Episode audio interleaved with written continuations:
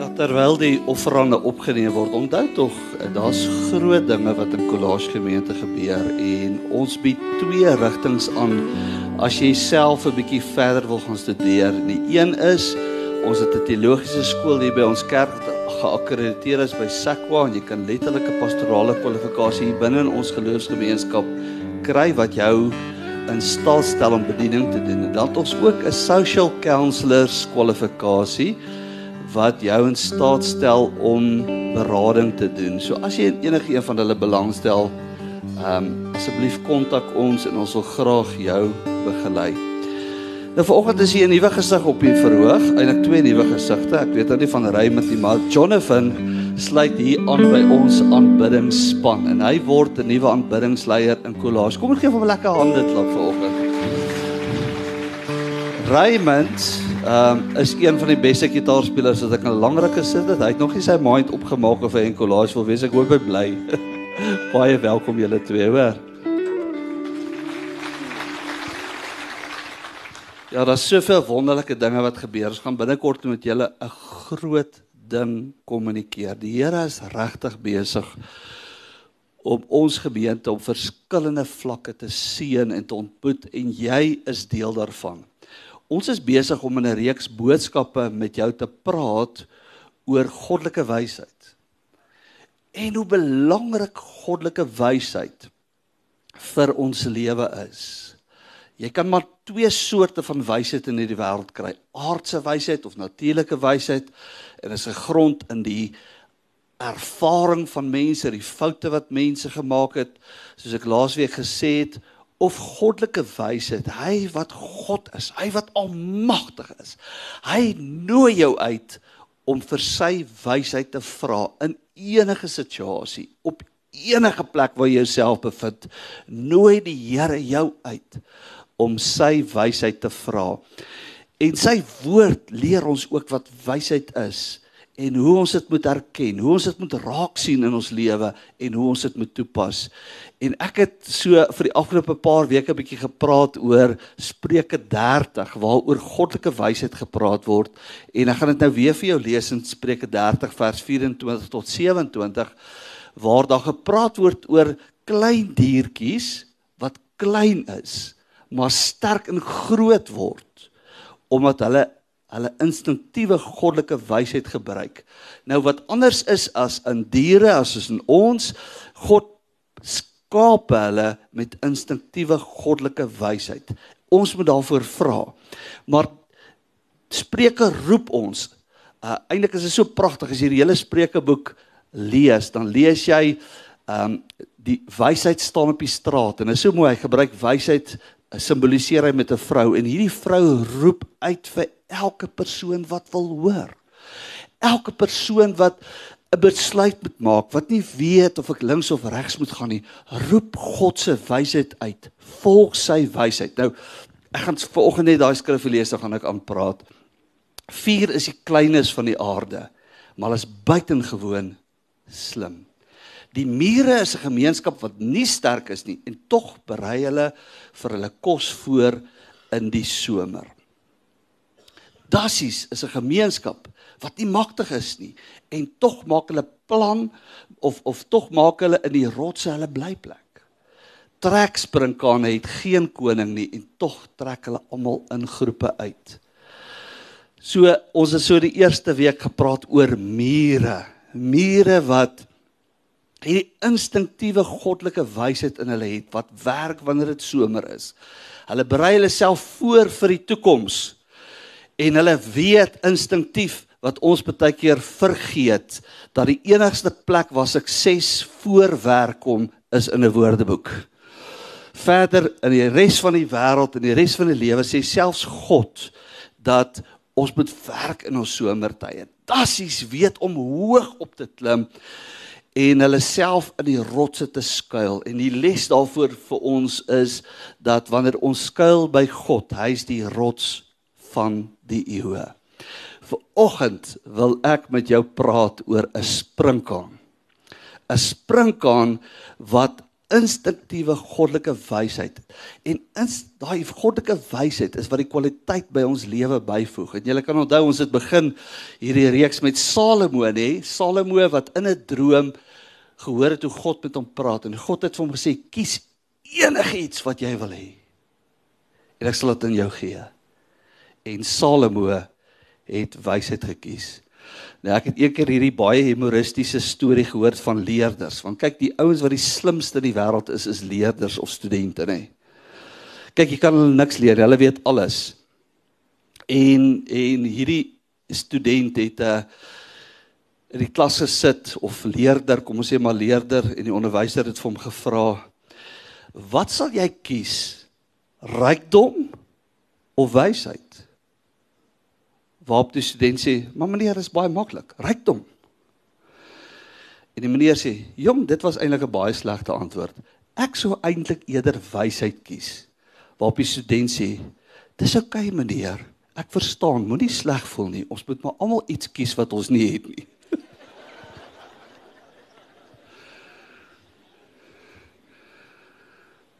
maar wysheid is so belangrik. En as iets in 'n sprinkaan wat maak dat hy hy 'n gedrag wys en miskien weet jy dit nie, maar 'n sprinkaan so klein soos dit is 2 gram weeg. Hy ehm um, hy kan 120 km op 'n dag vlieg. Ek kan dit amper nie glo nie.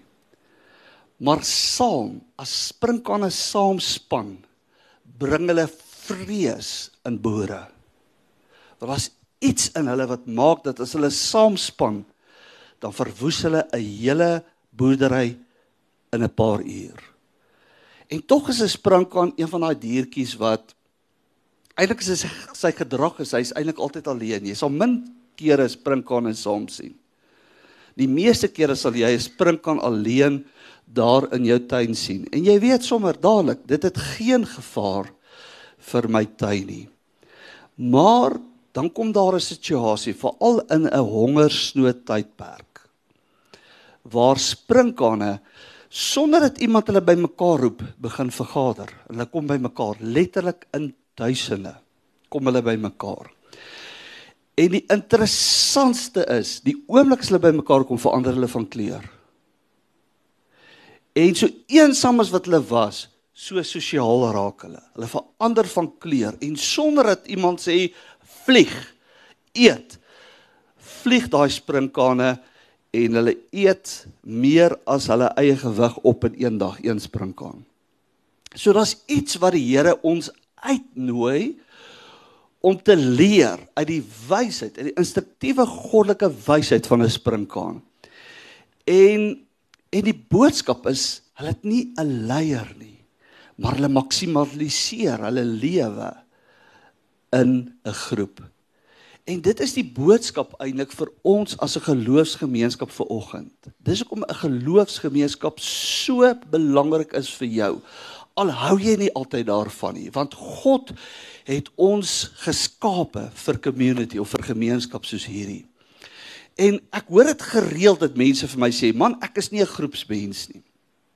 Ek ek hou nie ek hou daarvan om alleen te wees ek is ek doen nie goed in verhoudings nie of in in situasies waar daar baie mense is nie. Maar wanneer jy jouself afsonder en jou gesin afsonder van community, glo ek die diep in my hart is eintlik besig met sonde. Uh selfs die woord sê hy wat homself afsonder soek sy eie belang. Want God het jou nie geskape om net alleen te wees nie. God het jou geskape om te ontwikkel in die omgewing van ander mense om jou potensiaal te maksimaliseer deur verhouding.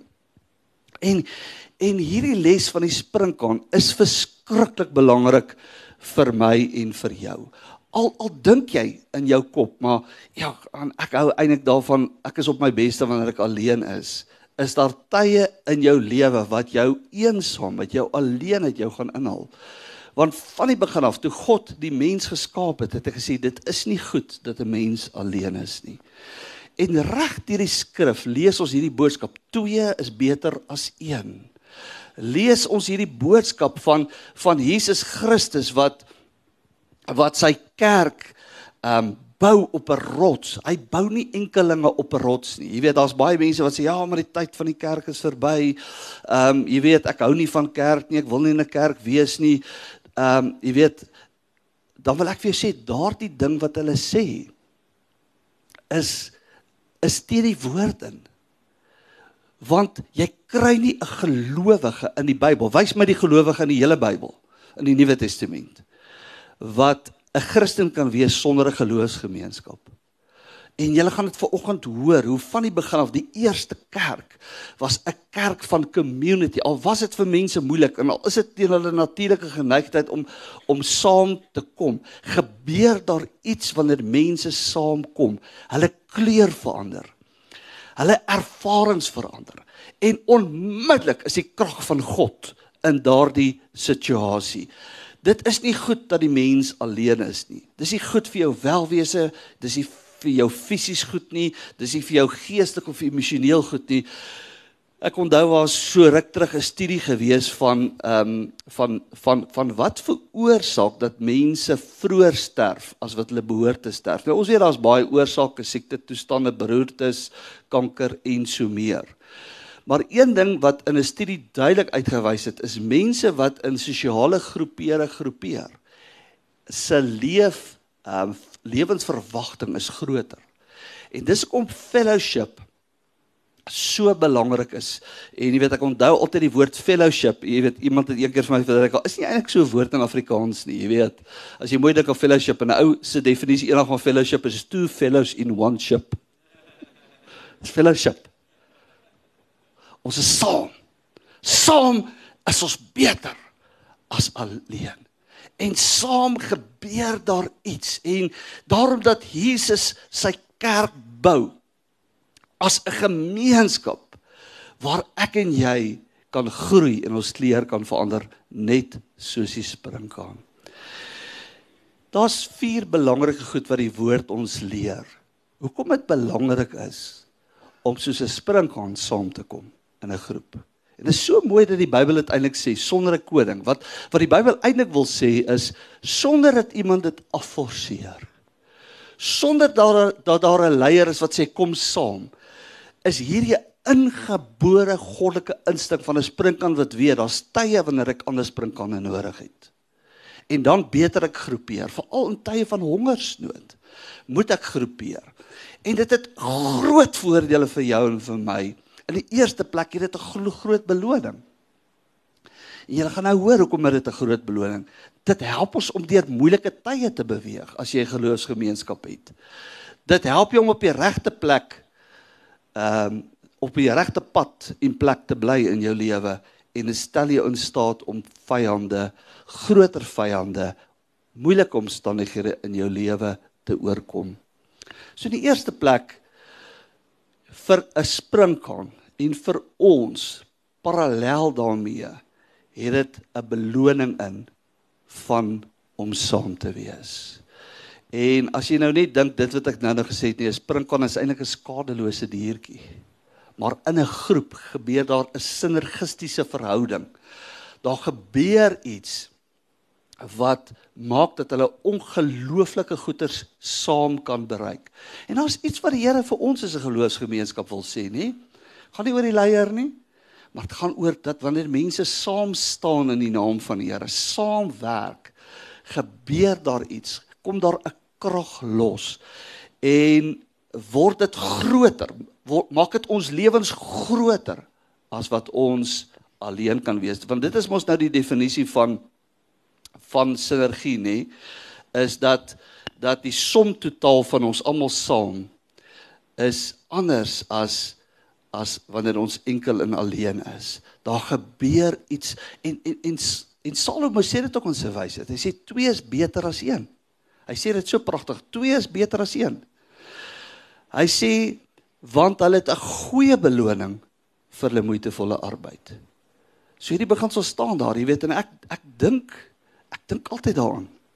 Ons is 'n geloofsgemeenskap, Golaasgemeente.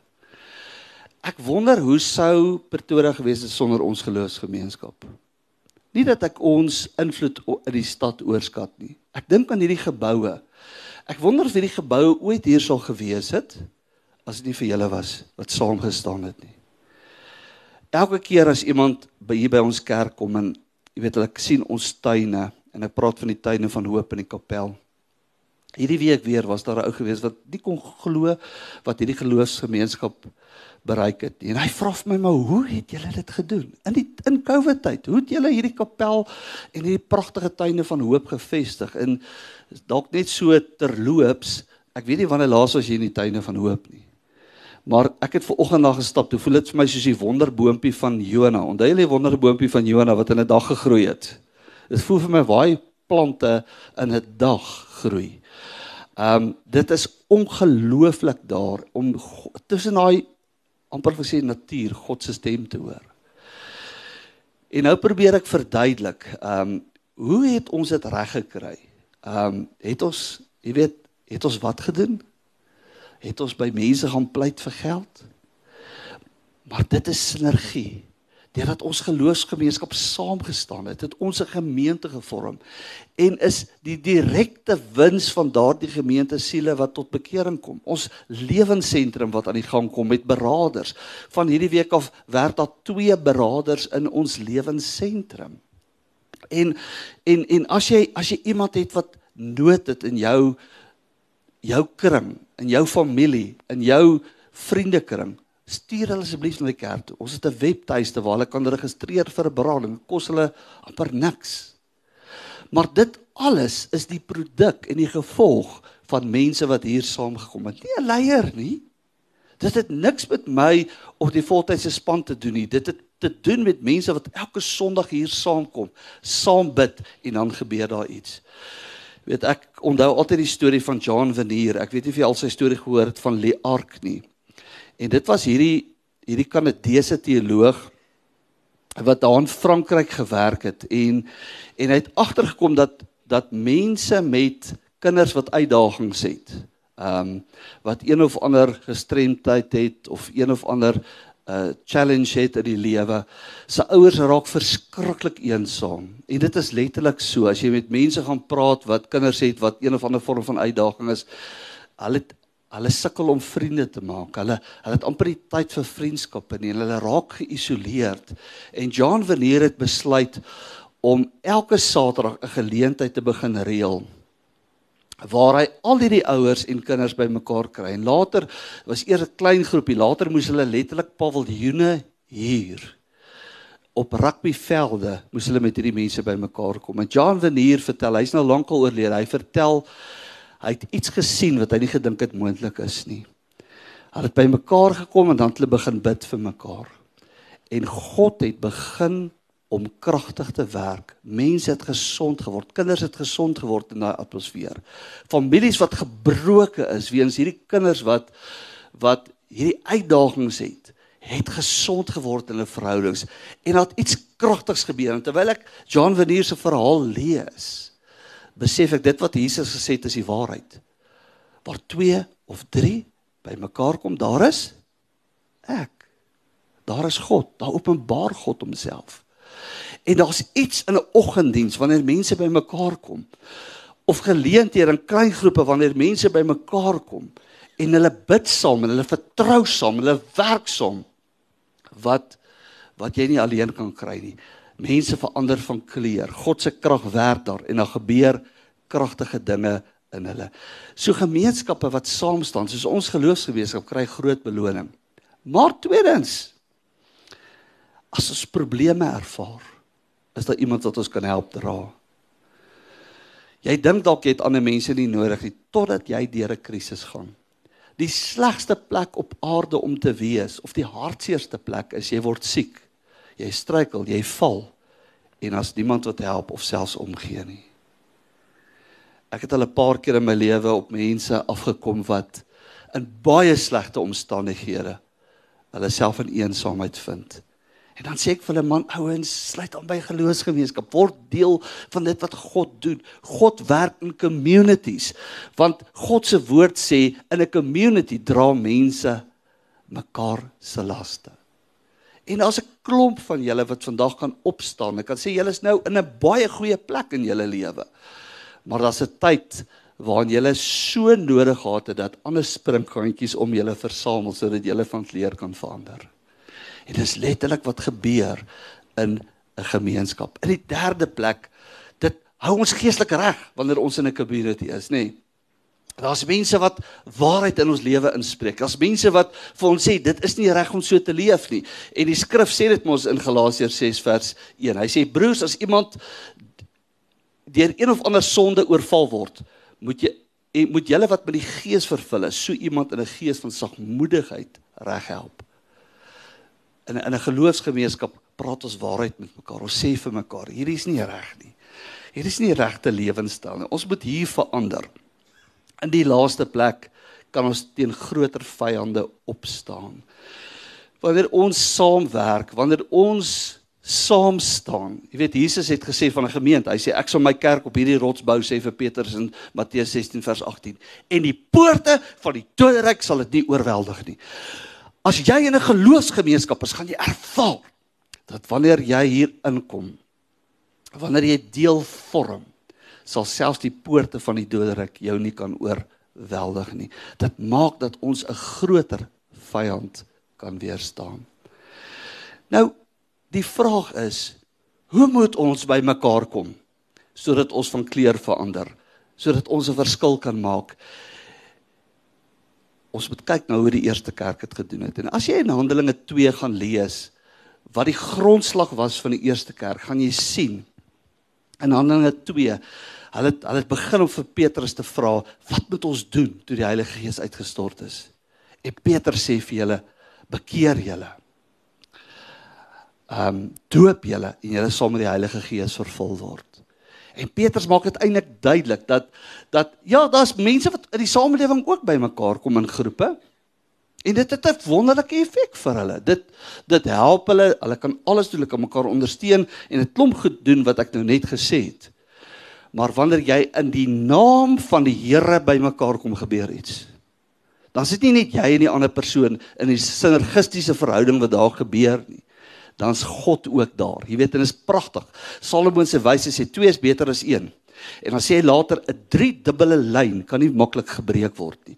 Bedoelende dat wanneer jy en 'n ander persoon saamkom in die naam van die Here en die Here is daar tussenin, die drie dubbele lyn is daar amper niks wat dit kan verbreek nie.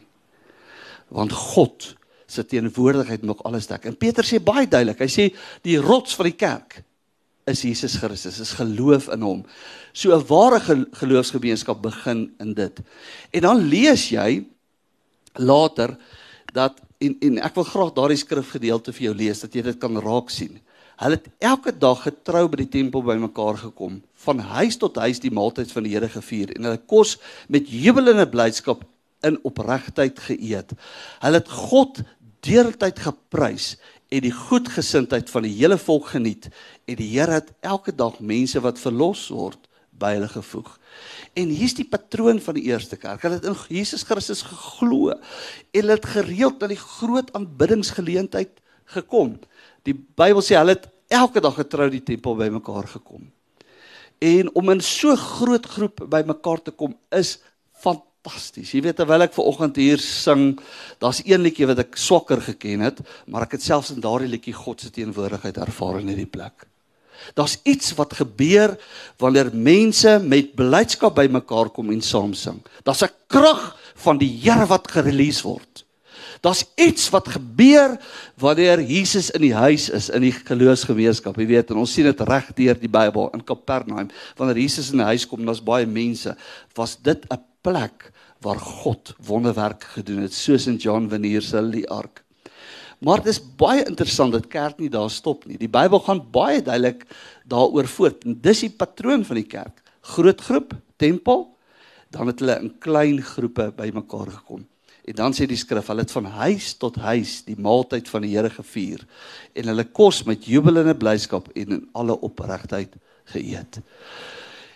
En dis daai klein groep waarna jy behoort. Want die groot groep daar in die tempel ken niemand jou naam nie. Ehm um, ons beweeg verby mekaar, ons sing saam, ons bid saam, ons loof saam.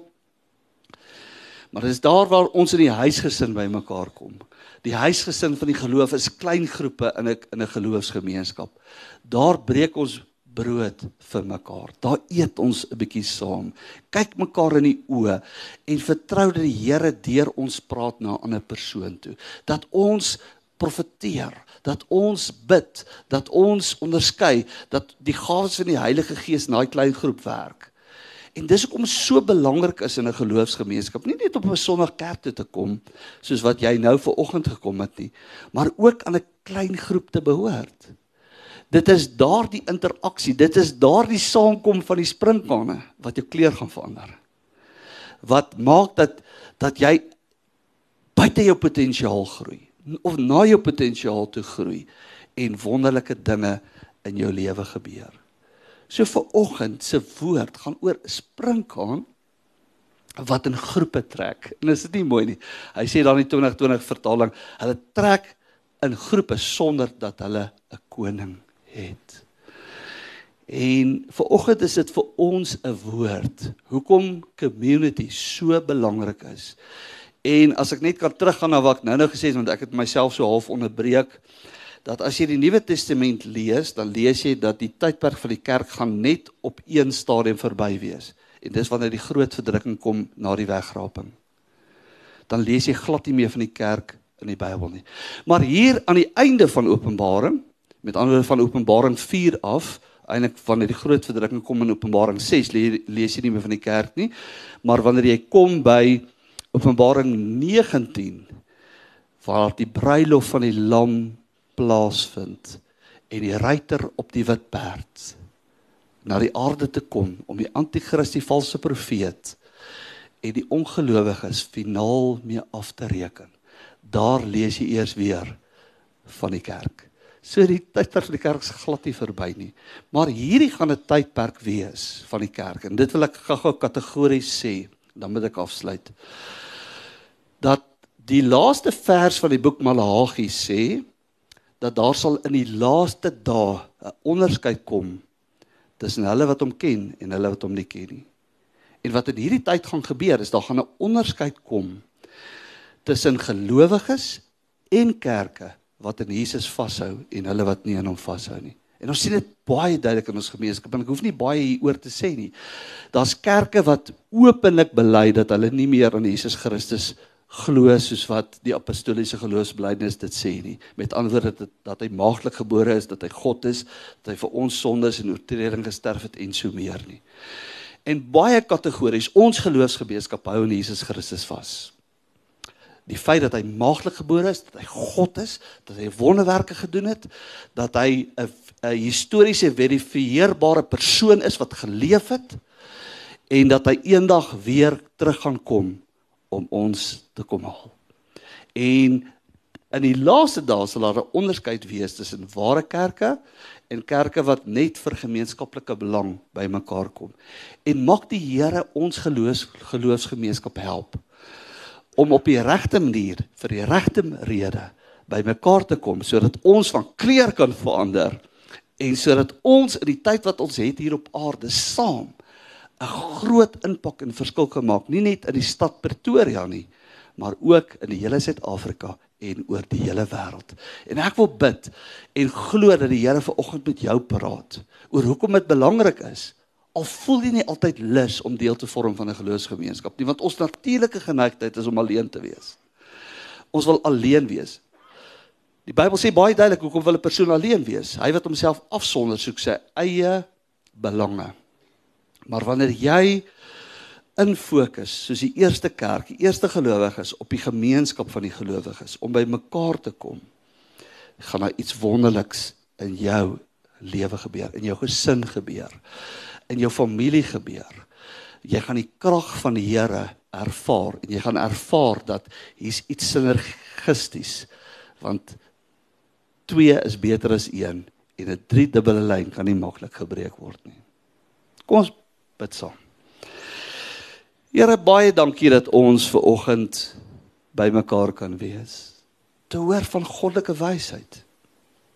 Ons het baie keer ons eie wyshede waarmee ons saamlewe gegrond op ons omstandighede, ons lewenservarings, die foute wat ons gemaak het. Maar Here, ver oggend kyk ons na u woord. Ons kyk na u wysheid. U wat die alwyse, almagtige God is wat alles geskaap het met 'n doel, alles geprogrammeer het, um alles aan mekaar bedraad het, alles veroorsaak het. En u sê vir ons, kyk na die sprinkaan.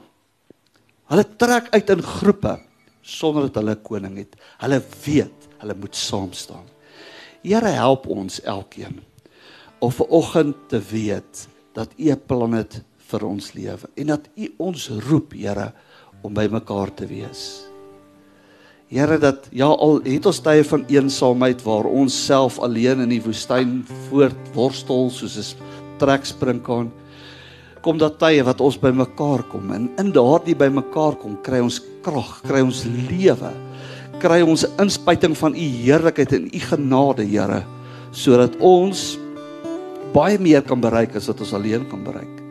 Sodat ons, Here, laste gedra kan word deur ander mense wat sterker as ons is in die oomblik.